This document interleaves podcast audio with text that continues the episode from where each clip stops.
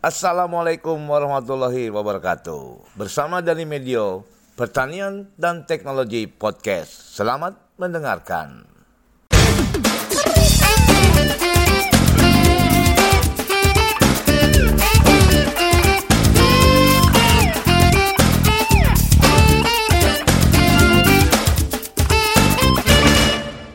Kembali bersama Dani Medio di podcast pertanian dan teknologi. Sobat Tani, narasumber saya sekarang seorang wanita.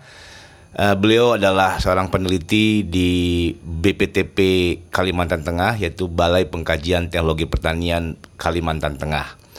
Nah, materi ini yang akan saya angkat bersama uh, Ibu Susi, Susilowati, peneliti BPTP Kalteng adalah dia mengangkat atau uh, memperjuangkan sumber daya genetik yang ada di Kalimantan Tengah, tepatnya di Kota Waringin Timur, Sampit, Kalimantan Tengah.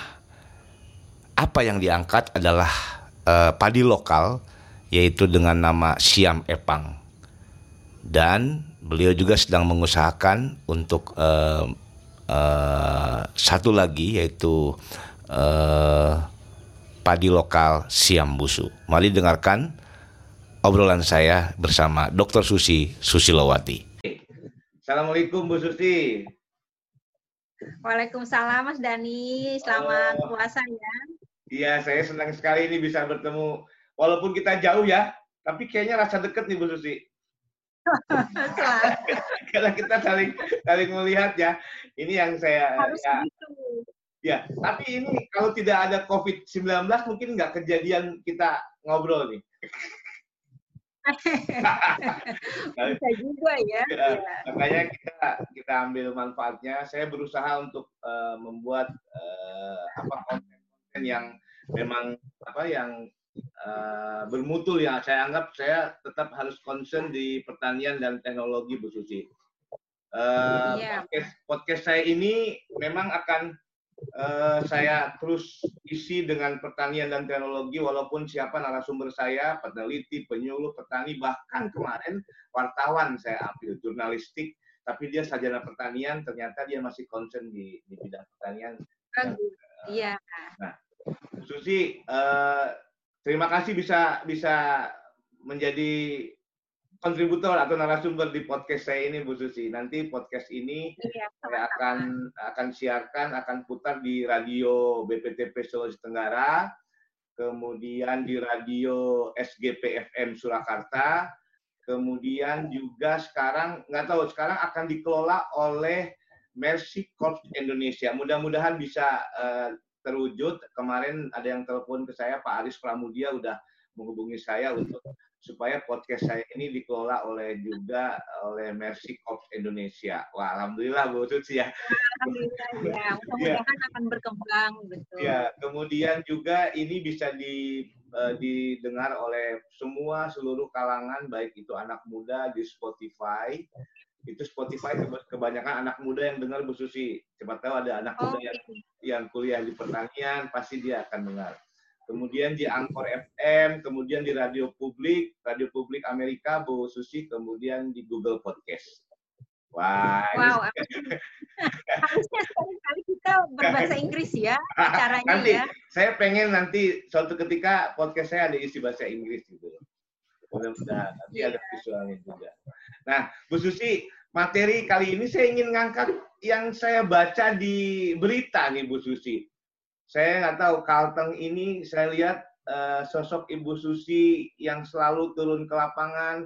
Uh, uh, ini sobat tani, sobat tani, saya membawa seorang narasumber Dr. Susi Susilawati, seorang peneliti di BPTP Kalimantan Tengah, yang saya lihat uh, kiprahnya selalu uh, berteman dengan petani dan saya suka itu. Baru-baru ini atau beberapa tahun lalu Bu Susi ya, itu ada padi lokal yang diangkat Ibu Susi. Bisa cerita dong Bu Susi? Oh iya, terima ya. kasih Mas Dani dan salam buat semua pemirsa ya di mana pun Sobat berada. Tani, Jadi Sobat Tani. Oh sahabat Tani ya, sahabat Tani, sahabat Tani di mana pun berada. Senang kita bisa berdialog pagi ini. Jadi terkait uh, rutinitas kita bersama petani di lapangan itu memang sudah saya lakoni sejak pertamanya saya itu uh, honorer di BEP Kalimantan Selatan Pak Dani, hampir tiga ya? BEP. Oh. Jadi bagaimanapun keseharian kita itu dari membuat uh, bahan media itu sangat terkait dengan keseharian yang bergelut dengan petani, penyuluh dan lain-lainnya yang selalu apa yang kita buat harus bisa kita implementasikan di lapangan. Nah, kemudian uh, terkait padi lokal ini khususnya di Kalimantan Tengah jadi saya bersama kawan-kawan khususnya yang tergabung di dalam kegiatan tim pada kegiatan pengelolaan sumber daya genetik itu hmm. sejak tahun 2013 Pak eh, Pak Dani itu sudah kita melakukan eksplorasi. Jadi eksplor, eksplorasi padi lokal. Jadi dari padi lokal yang kita koleksi kita sudah mendapatkan lebih dari eh, 200 aksesi padi lokal di Kalimantan Tengah. Wah, 200. Baik dia spesifik lebih 200. Oh, lebih 200 ya. Lebih 200. Jadi itu ada yang spesifik untuk lahan rawa, itu ada yang tahan genangan sampai lebih dari satu minggu, kemudian ada yang panen juga harus pada air tergenang, kemudian ada juga yang spesifik lahan kering, terutama pada kelerengan-kelerengan yang tertentu ya. yang ketika panen pun saya harus memanjat itu dengan tongkat gitu, karena sangat sangat lereng gitu. Eh, ya, hebat, Sampai 8 derajat lah gitu. Oh. Gitu. Jadi elevasinya, elevasinya Elevasi, memang. Jadi ya, ya. kita ya, jadi kita sudah keliling melakukan eksplorasi. Nah, kemudian dari seluruh seluruh paritas-paritas itu untuk mempertahankan keberadaannya kita mencoba uh, berjoin dengan bank gennya di uh, Balai Besar Sumber Daya Genetik BB Biogen, kemudian ya? juga BB Padi. Ya, yang di Bogor. Jadi sebagian besar benih yang kita koleksi itu tersimpan aman di sana. Nah, kemudian Ya, nah kemudian dari beberapa itu kita uh, karena milik Padiloka ini adalah milik kabupaten uh, wilayahnya, maka kami mencoba mengkomunikasikan dengan beberapa kabupaten khususnya pemerintah daerah terutama para bupati. Jadi ada sebagian besar yang sudah kita daftarkan ke pusat perlindungan paritas, lebih dari 19 karena syarat-syaratnya juga harus kita penuhi. Kemudian dari yang kita daftarkan juga kita uh, mencoba menggiring kabupaten itu untuk lebih jauh memanfaatkan. Karena bagaimanapun padi lokal ini memiliki nilai ekonomis yang sangat menjanjikan bagi masyarakat. Sehingga yang berpotensi-potensi ekonomis itulah yang kita coba uh, lepas menjadi paritas unggul gitu. Jadi paritas unggul itu dan itu tidak tidak banyak kabupaten yang bisa melakukan uh, sampai tahap itu karena kita prosesnya perlu waktu tidak cukup satu tahun mungkin karena ada pengujian lebih dari dua musim gitu. Itu harus syarat-syarat itu kita penuhi karena kita akan menghasilkan benih uh, setara dengan paritas yang boleh dikomersilkan. Nah, itu. Jadi sampai hari ini untuk uh, padi kita baru melepas uh, satu siam epang, itu milik Kabupaten Kota Waringin Timur, dan satu sedang proses ini masuk ke tahun kedua itu siam busu, itu milik Pemda Kabupaten Barito Timur. Nah, oh. jadi dua itulah dua. yang sekarang yang okay. dua itu yang, yang sudah yang sudah dilepas ke, yang siam epang, Bu. Siam epang itu sudah dilepas, ya, ya. sudah dilepas.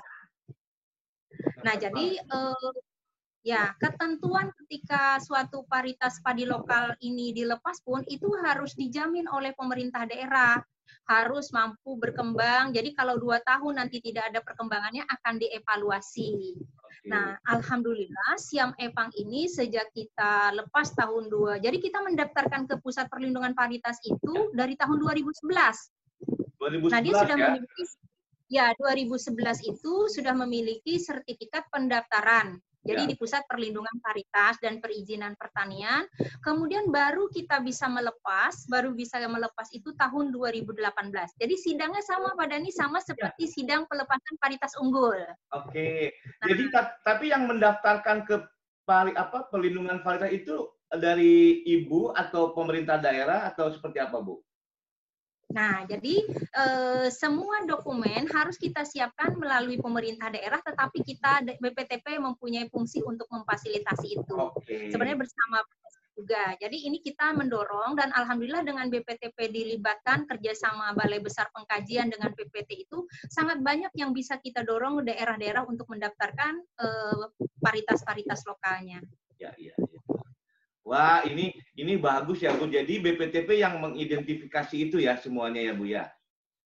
Nah, betul. Jadi identifikasi itu dilakukan oleh tim BPTP karena ah. kunci dari uh, pendaftaran dan pelepasan itu adalah identifikasi. Nah, nanti ketika kita lanjut ke pelepasan pun uji lapang, uji lapangan ada verifikasi awal, verifikasi lapang itu sama dengan kita melakukan uji multilokasi, uji adaptasi, maka itu otomatis kembali melibatkan peneliti dan penyuluh di BPTP. Wow, ini ini harusnya sobat tani di seluruh yang di luar sana juga harus tahu ya. Tapi saya rasa setiap provinsi, setiap daerah juga eh, BPTP tetap mengidentifikasi uh, apa, apa tadi sumber daya genetik lokal yang ada di masing-masing ya Bu ya. Wah ini sebetulnya Betul. harusnya ini harus tahu sumber betapa pentingnya sumber daya genetik bisa mengangkat mungkin nilai apa perekonomian di suatu daerah tersebut kali Bu Susi ya. Betul, Pak Dani. Jadi uh, sumber daya genetik khususnya padi ini ternyata kalau kita lihat dari segi ekonominya, saya kalau sudah menghitung, menghitung-hitung nilai ekonomi, contohnya kalau Pak Dani biasa ke Kalimantan, uh, melihat di pasaran itu namanya beras sudah berbau siam, itu ya. harga per liter, itu harga per liter aja di atas 12.000. Jadi kalau satu kilo itu mencapai 16.000 sekilo. Sedangkan padi unggul uh, seperti Ceherang, kemudian Inpari itu paling maksimal berada di 11.500 atau 12.000 per kilonya.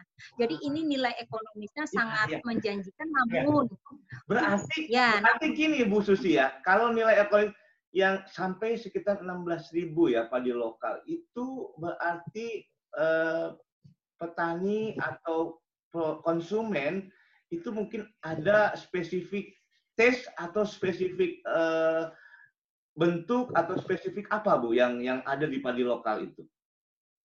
Nah, jadi di padi lokal ini ini terutama terkait dengan preferensi rasa preferensi, di petani ya. ya. Artinya di preferensi rasa di wilayah itu ya. seperti kita contohkan misalnya Kalimantan Selatan dengan Sumatera Barat identik dengan suka yang perak gitu ya. Ah, jadi perak, ya. Perak. Betul betul. Nah. Saya pernah makan di Kalsel Bu Susi nasinya tapi mengenyangkan ya kalau perak itu tapi ya saya akhirnya juga suka sih. ya sebenarnya kalau kita mau dia agak pulen seperti beras di Jawa pun bisa tinggal tambah air saja gitu lebih banyak okay. gitu kan. Nah itulah yang membuat selera masyarakat itu susah kita gantikan. Sehingga kalau kita membandingkan kalau misalnya saya yang selalu di lapangan mengenalkan sudah lebih misalnya ratusan uh, padi unggul kita yang dilepas, nah padi unggul kita misalnya kayak uh, Cisanggaru, yeah. kemudian paritas puas yang spesifik lahan rawa sekarang ada Jepara, ada gitu. Uh, nilai bertahannya di lapangan itu uh, selalu berbeda dengan padi lokal. Nah, selain itu, kelebihan padi lokal dia sangat adaptif dengan lingkungan lingkungan wilayahnya. Jadi uh, artinya cekaman-cekaman uh, biotik dan abiotik itu dia mampu beradaptasi. Namun kendalanya padi lokal ini kan satu umurnya panjang, umurnya panjang, kemudian produktivitasnya rendah. Nah, itulah arah kita dari segi pemanfaatan itu sehingga bagaimana kita memanfaatkan padi lokal ini sebagai sumber gen sebagai sumber gen untuk dimanfaatkan para pemulia untuk penciptaan paritas baru. Nah, jadi banyak seperti Inpara sekarang itu yang sudah memanfaatkan sumber daya genetik dari eh, padi-padi uh, spesifik uh, rawa, spesifik lahan kering. Gitu. Ya betul. Jadi jadi memang uh, ada beberapa keunggulan tersendiri sebetulnya ya di padi lokal ya Bu ya yang bisa kita ya, ambil. Ya, betul. Uh, pemulia bisa ambil, kemudian dia bisa menciptakan varietas, ternyata akhirnya dia spesifik lokasinya dapat, kemudian mungkin umurnya bisa pendek, tapi rasanya juga tetap seperti uh, padi lokal yang digemari atau preferensi petani dan uh, masyarakat Kalsel tetap terpenuhi ya. Betul. Nah, ini harus harusnya mudah-mudahan nih Bu Susi dan tim nih bisa uh, Bu Suci uh, bidang kepakarannya maaf apa? Bukan pemulia ya? Saya uh, saya agronomi. Oh, agronomi ya. Wah, ya, pantesan suka ngeliat. Jadi jadi misalnya kalau yang siam epang itu bisa nggak disebutkan Bu Suci ada apa ciri-ciri khasnya dari dari uh, bentuknya uh, uh, tanamannya dan seperti apa Bu Suci? Bagus. Jadi uh, khusus yang EPA yang dimiliki oleh Kota Waringin Timur ini, Pak, ini sebenarnya uh, beberapa kali saya baik mengajukan tulisan secara internasional maupun nasional sama peneliti kita juga di Biogen, seperti mereka tidak meyakini ini padi lokal gitu. Tapi setelah masuk ke umur, itu baru dia meyakini karena apa? Satu kelebihan siam epang ini memiliki anakan yang sangat banyak. Jadi anakannya itu mampu mencapai 40 sampai 60 anakan. Perumpun loh ya, ya. perumpun. Ya, kemudian yang kedua, tingginya hanya berada di sekitar 95 sampai 103 cm. Jadi samalah dengan padi unggul. Iya ya. Nah, cuma Nah, itu. Kemudian bentuk gabahnya ramping. Jadi bentuk gabah ini maka dia akan sudah hampir sesuai dengan selera masyarakat Kalimantan lah, agak ramping, tidak bulat-bulat gitu ya. Nah, ya, ya. itu. Nah, kemudian dia eh, cukup toleran dengan eh, lingkungan asam. Jadi lahan dengan pH di bawah 5 ini ya. cukup toleran. Ya, jadi pH e, di bawah 5 dia cukup toleran. Nah, sehingga siam epang ini khusus di Kota Waringin Timur ini dia sangat spesifik. E, kawasan siam epang saat ini lebih dari 12.000. Wow. Yang menanam e, lebih dari 12.000 hektar. Sehingga saat ini kita lagi mengajukan perlindungan untuk identi, identifikasi geografis bersama Kementerian Hukum dan HAM kayak kayak Uwi Cilembu lah ya. Dia ya. punya spesifik sekali di wilayah Lempuyang ya, ya. itu di kecamatannya. Nah, itu. Jadi sekarang kita lagi ajukan dan masih dalam proses dan saya semuanya dari awal terlibat di Siam Epang ini. Ah, jadi tahu betul ya Bu Susi ya. Ini perjalanan Siam Epang ini ya. Ya. Sama bersama tim ya, tim BPTP ya Bu Susi ya. Betul, kita bersama tim BPTP. Jadi tim BPTP kalau untuk kegiatan SK, eh, SDG di BPTP khususnya BPTP Kalimantan Tengah ini hampir sekantor penuh itu terlibat. Karena dari awal kita bersama-sama sudah kita bagi wilayahnya, eksplorasinya ke mana, seperti apa gitu. Jadi hampir tidak ada yang tidak tahu kalau kegiatan SDG di BPTP Kalimantan Tengah. Ya. Wah, ini harusnya saya jadi jadi ini Bu harusnya penyuluh-penyuluh yang di daerah juga mungkin ya BPTP sebagai ya dianggap peneliti dan penyuluhnya lebih uh, itu penyuluh daerah bisa nggak Bu diajarkan atau bagaimana mengidentifikasi ada nggak kira-kira pelatihan itu dari BPTP Bu? Oh, nah ini pertanyaan yang bagus sekali. Jadi untuk penyuluh hampir di seluruh kabupaten sudah kita lakukan lebih dari sekali. Kemudian buku panduan juga sudah kita perbanyak. Kemudian yang menarik, suplai benih, suplai benih padi lokal itu saya hampir setiap musim disuplai oleh para penyuluh. Jadi ini mohon maaf Pak Daniel, jadi saya sudah Nah, itu jadi penyuluh itu dia setiap panen, Bu, ini panen, panen ini paritas ini sudah ada nggak, Bu, gitu. Jadi dia selalu mengirimkan mau sekilo, mau berapa kilo, itu saya paling mudah kalau misalnya minta tolong dengan penyuluh selalu oke, okay. paling kita nanti biaya ganti kirimnya diganti. Tapi kebanyakan penyuluh juga kalau mau dibayar tidak mau kalau dengan saya gitu. Sungkan kali. Dan saya ini baru dengar dari Ibu Susilowati, Ibu Susi ini ya. Karena saya nggak tahu, karena saya seorang penyuluh pertanian yang sekarang saya lagi betul-betul peduli dengan teman-teman di daerah, Ibu. Bukan cuma di BPTP, tapi saya eh, sekarang lagi beli bagaimana dengan penyuluh daerah yang harus juga ya dari segi keterampilan pengetahuannya mumpuni. Sehingga BPTP nanti bekerja sama tidak terlalu jauh untuk eh, stres ini, oh ya cepat, akhirnya cepat-cepat. Akhirnya sekarang kayak saya baru dengar Ibu Susi sudah melatih mereka mengidentifikasi akhirnya kita menjadikan dia menjadi partner kita dalam mendapatkan informasi ya Bu Susi ya. Betul. Jadi ini baru-baru sekitar dua minggu yang lalu karena saya WFH, kemudian wajib harus melakukan panen siang busuk karena masih dalam proses uh, pelepasan ini masih dalam proses. Siapa yang melakukan? Semua penyuluh. Jadi penyuluh, jadi dia sudah tahu mengkarakter seperti apa, lalu menghitung karakter-karakter agronomi, mengukur dan lainnya. Kalau yang tim kami hampir setiap uh, wilayah kegiatan kita penyuluh selalu berada uh, bergandengan dengan kita. Jadi saya uh, terus terang ketika WFH ini seluruh pekerjaan lapangan itu hampir semuanya bisa diselesaikan. Ah. Jadi pengiriman, kemudian kontrol juga apalagi sudah ada handphone dan lain-lain sangat gampang. Jadi kita rata-rata di setiap momen itu melibatkan 3 sampai 5 penyuluh, Pak karena penyuluh juga kalau ada kegiatan di kita kan sebenarnya ada juga honor mereka tuh. Nah itu selalu saya berikan ke mereka.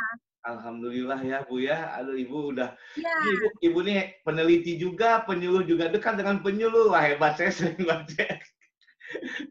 ya dari BEP. Iya iya. Ibu tadi Siam Epang, Siam Epang gimana sekarang perkembangannya? Karena kata Ibu kan begitu dilepas, kemudian itu akan dievaluasi. Sekarang perkembangannya Siam Epang bagaimana Bu? Apakah memang uh, perkembangannya bagus atau seperti apa? Siam Epang ini uh, perkembangannya bukan lagi bagus tapi sangat bagus. Jadi hampir uh, seluruh uh, kemudian distribusi Siam Epang juga khususnya beras itu tidak hanya di kabupaten setempat tetapi sudah ke hampir seluruh kabupaten di Kalimantan Tengah, Tengah itu tahu. Ya, jadi kalau kita di Pasar Palangkaraya mereka menyebutnya Siam Sampit itu Siam Epang. Okay. Jadi karena mendapatkan dari Sampit, Kota Waringin Timur. Nah, jadi ini ya. sangat sangat luas dan kita juga selain IG ini sebenarnya ingin uh, merancang juga bersama dinas untuk mencoba uh, menitip melalui eh, orang-orang uh, yang datang untuk membawa ke negara tetangga. Jadi kebetulan uh, ada pedagang pengumpul dari negara tetangga yang sekarang kita proses untuk uh, ekspor juga, terutama untuk buah naga dan buah nanas yang banyak mengambil dari dari Ini ekspor saya dengar nanti harus ekspor Ibu. Itu siang Epang ke negara ya. tetangga. Tentunya yang yang lebih dekat Malaysia Bu ya? Malaysia betul. Ya, Malaysia dan ya uh, Brunei juga dekat kali ya Bu ya. Terus karena saya pernah ya, Malaysia itu yang paling Ya, Malaysia itu kan juga dia karakter menyukai seperti beras perak juga Bu ya. Kalau saya uh, jajan pernah saya ke Kuala Lumpur tuh, oh, ini kok sama dengan di Padang, Kalimantan saya bilang. ya, ya, ya, betul. Oke. Okay. Nah, mudah-mudahan ini Siam Epang ya. Siam Epang itu yang terdaftar di sertifikatnya Siam Epang ya Bu ya. Walaupun tadi Betul. Jadi Waringin Waringin Kota Waringin, Kota Waringin Timur itu ibu kotanya Sampit. Oke, jadi itu Siam Epang berasal, Sobat Tani, Siam Epang ini berasal dari, awalnya dari Kabupaten Kota Waringin Timur, Kota Waringin Timur ya. Ya, ibu kotanya Betul. Sampit. Baik. Nah, yang Siam Busu ini lagi proses, Bu. Belum belum di ya, belum didaftarkan ya. Kalau didaftarkan sudah, jadi sudah memiliki sertifikat tanda daftar dari PPT-nya pada tahun 2018 juga itu hmm. untuk tanda daftarnya sedangkan Siam Epang uh, pelepasannya 2018. Jadi pendaftar kita sudah mendaftarkan 2018 dengan sertifikat nomor 627 jadi sudah ada. Nah, sekarang kita proses ke pelepasan. Jadi proses pelepasan ini kita sudah menyelesaikan beberapa syarat beberapa syarat yang disyaratkan oleh uh, Dirjen Tanaman Pangan. Oke, mantap. Jadi eh, mudah-mudahan siam busu ini prosesnya cepat Bu ya, bisa bisa uh, lancar ya Bu ya. Sehingga kita bisa Amin. Uh, Amin mudah-mudahan. Saya nanti kalau misalnya COVID-19 ini jadi pengen ngerasain siam epang. Jangan-jangan saya sudah pernah makan kali karena saya pernah makan di Kalteng dan mungkin beras lokalnya juga saya pernah makan, cuma saya nggak tahu kalau itu siam epang kali Bu.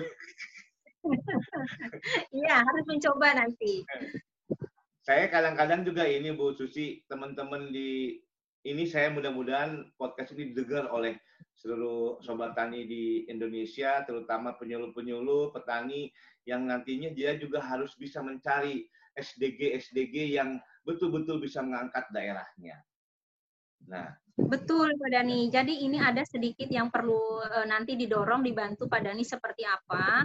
Kalau uh, untuk sertifikasi pendaftaran ini nilai pendaftaran itu bagi kawan-kawan peneliti itu sudah jelas.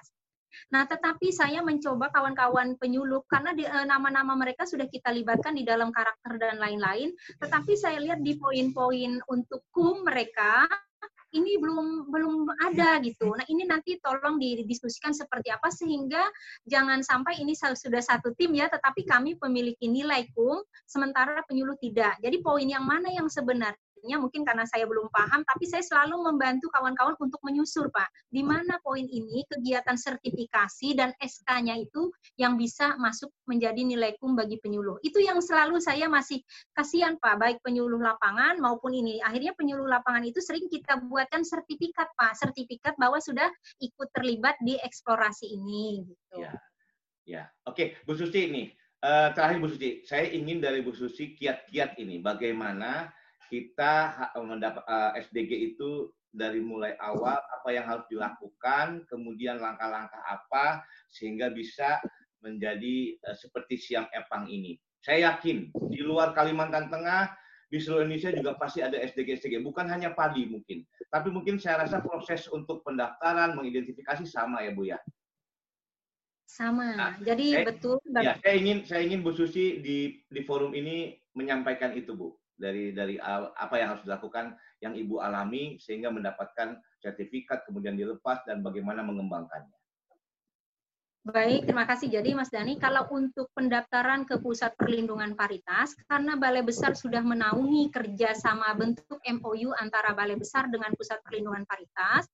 Maka eh, kita bisa meyakini bahwa sangat banyak paritas yang akan dihasilkan setiap tahun. Artinya yang terdaftar ke Pusat Perlindungan itu ya. sangat banyak, mungkin lebih 300 setiap tahun.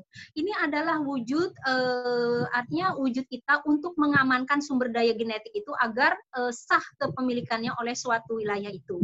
Nah, kemudian yang kedua, strategi apa yang uh, yang harus kita lakukan untuk kita bisa melangkah kepada tahap pelepasan? Ya. Satu yang harus kita pertimbangkan itu adalah prospek atau nilai ekonomi dari suatu sumber daya genetik itu.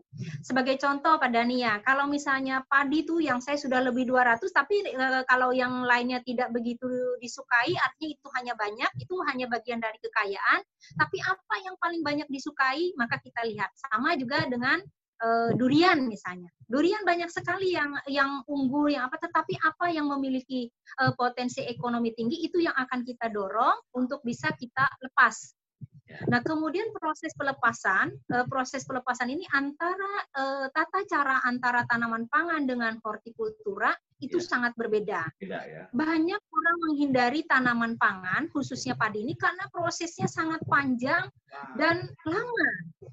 Oh. Nah, akhirnya kawan akhirnya kawan-kawan itu selalu hanya tertarik di tanaman hortikultura karena hortikultura tidak perlu sidang, tidak perlu dokumen yang bertele-tele. Nah, sedangkan saya berpikirnya kalau semuanya menyentuh hortikultura nanti padi kita akan terabaikan.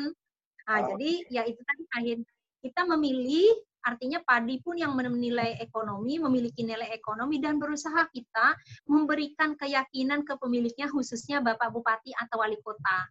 Sehingga kita tidak bekerja sendiri dan kalaupun berkembang itu adalah program mereka. Jadi setelah ini tahapnya oleh mereka apa? Saya contohkan bagus sekali ketika kita mencoba ne, uh, istilahnya tuh dengan nekat ya siam epang itu kita lanjutkan sampai berapa tahun berulang-ulang dana tidak ada itu pertama kebijakan Bapak Bupati bagaimana siang epang itu dijual sebagai beras untuk pegawai. Nah, nah itu dulu nah itu dulu yang kita dorong. Walaupun di pasaran itu uh, ada tetapi kita kesulitan untuk mengontrol kesulitan. Artinya berapa sih dari dari hasil produksi di situ yang benar-benar bisa terserap. Kemudian bagaimana kita mempertahankan artinya uh, siam sebagai sumbernya itu untuk bisa ditanam berulang setelah dua tahun seperti apa kita mempertahankannya. Nah itu yang artinya perlu sekali kita menjalin kerjasamanya itu dengan pemerintah daerah. Jadi kalau sudah ada dukungan pemerintah daerah itu semuanya lancar Pak. Jangan khawatir. Ya, ya. Jadi kuncinya itu ya kita harus tetap bersinergi sinergi dengan pemerintah daerah. Jadi memang kalau saya dari dengar dari Bu Suci, bagaimana kita mempertahankan itu ya SDG ya, itu sulit sekali Bu Suci harus perlu effort yang betul-betul wah kita harus berani. Karena kalau nggak kayak saya sih, kalau diulang tanam ulang tanam kalau nggak ada sumber yang itu kan nanti akan akan bisa hilang Bu Suci ya kalau nggak kita pertahankan. Betul, betul. Oke, wah ini teman-teman sobat tani tadi langkah-langkah itu jadi kalau misalnya ke orang ke hortikultura semua, kalau tanam pangan nanti padi kita yang padahal justru kekayaan itu sumber daya genetik yang ada di setiap daerah itu yang harus kita perjuangkan, pertahankan dan bisa mengangkat nilai ekonomi di daerah itu sendiri. Waduh, Bu Susi ini obrolan kita ini saya yakin ini bermanfaat bagi teman-teman. Mudah-mudahan kita doakan Bu Susi sehat terus ini. Jadi nanti Bu Susi tetap di lapangan dan kita berdoa juga uh, suasana atau musibah ini COVID-19 cepat berlalu ya Bu Susi ya. Amin. Uh, wah, ini. Oke, Bu Susi, ada terakhir nggak harapan Bu Susi nih ke depan untuk teman-teman kita penyuluh, peneliti dan semua masyarakat tani Indonesia? Sobat tani di luar. Baik. Ya, ini untuk uh, sobat tani di mana pun, tentu kita harus kembali ke niat kita untuk melestarikan, kemudian mempertahankan bahwa Indonesia ini memiliki kekayaan uh, sumber daya genetik yang sangat banyak dan beragam kalau bukan kita yang mempertahankan siapa lagi? Karena kita tahu Pak, begitu banyak sumber daya genetik kita yang sudah hilang. Hilangnya itu tidak kita sadari. Ada yang melalui proses eksplorasi langsung baik oleh orang luar ada juga yang hilang itu dibawa dengan alasan riset. Yeah. Nah ini jadi mulai sekarang tuh teman-teman terutama yang di lapangan benar-benar uh, memahami itu. Jadi uh, khusus sahabat tani yang hari ini uh, atau berikutnya bisa mendengarkan ini mudah-mudahan kita bersama-sama tergugah untuk bersama-sama melestarikan uh, sumber daya genetik kita. Ah, mantap. Makasih Bu Susi. Saya juga jadi wah ini saya harusnya juga memberikan kontribusi terhadap Indonesia ini bagaimana uh, SDG kita terutama yang di Jawa Barat nih yang di Bogor nih saya pasti banyak nah. banget yang banyak yang Iya, ya Bu Susi, terima kasih. Saya juga beberapa lalu udah pernah ngobrol dengan uh, Kepala Pusat uh, Erija Jamal, Kepala Profesor Erija Jamal sebagai Kepala Pusat Perlindungan Kualitas. Dan ternyata memang ini yang harus dilakukan oleh uh, teman-teman. Terutama tadi Bu Susi, penyuluh-penyuluh daerah itu dikasih knowledge-nya, di, diedukasi untuk mengidentifikasi dan ini. Itu yang yang saya juga usulkan kepada Bapak Profesor Erijal Jamal sebagai Kepala Pusat. Dan ini ternyata Bu Susi sudah lakukan itu. Terima kasih. Dan mudah-mudahan nih teman-teman peneliti BPTP yang lain juga memberikan edukasi kepada penyuluh-penyuluh daerah tentang ini. Soal angka kredit pasti bisa. Saya yakin kalau kita bekerja untuk jangan dulu berpikir angka kredit, pasti yakin nanti bagaimana supaya itu masuk di angka kredit. Saya, saya percaya itu. Mudah-mudahan ini. Uh, Ya, ya gimana Bu Sedikit kami kalau nanti kesempatan berkomunikasi dengan Pak Enrijal itu alangkah baiknya nanti beberapa panduan itu bisa kita lebih sederhanakan ke bahasa penyuluh. Artinya karena petunjuk itu sangat saintis gitu. Jadi kita membimbing penyuluh itu tidak pernah pada ini kita dalam suatu pertemuan khusus itu langsung saya ke kelompok. Misalnya kelompoknya lima orang, jadi memahaminya oh ini loh yang dimaksud ini ini karena dia begitu sentis ya namanya juga selama ini bukan dikerjakan oleh penyuluh ya. Jadi kalau kita mampu merubah ke bahasa penyuluhan akan lebih bagus dan kita akan sangat terbantu. Wah, ya ini pesan pasti ini saya sampaikan nanti mudah-mudahan Pak Erijal nanti nonton apa mendengarkan ini dan saya akan forward linknya nanti supaya Pak Pak Profesor Erijal tuh sangat concern terhadap podcast-podcast saya dan dia senang sekali kemarin juga. Wah saya senang pada ini pada ini bisa seperti ini penyuluh ini bermanfaat bagi semuanya.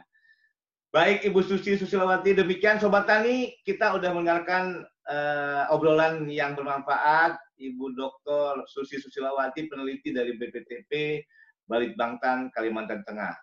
Kalau bukan kita yang mengangkat SDG atau sumber daya genetik lokal, siapa lagi? Mari kita manfaatkan itu, mari kita angkat uh, sumber daya genetik lokal dari masing-masing saudara. Bu Susi, terima kasih obrolannya di pagi hari ini. Sama-sama. Oke, mudah-mudahan bermanfaat. Dan Sobat Tani, dengarkan terus podcast saya, Pertanian dan Teknologi. Salam Pertanian. Thank you.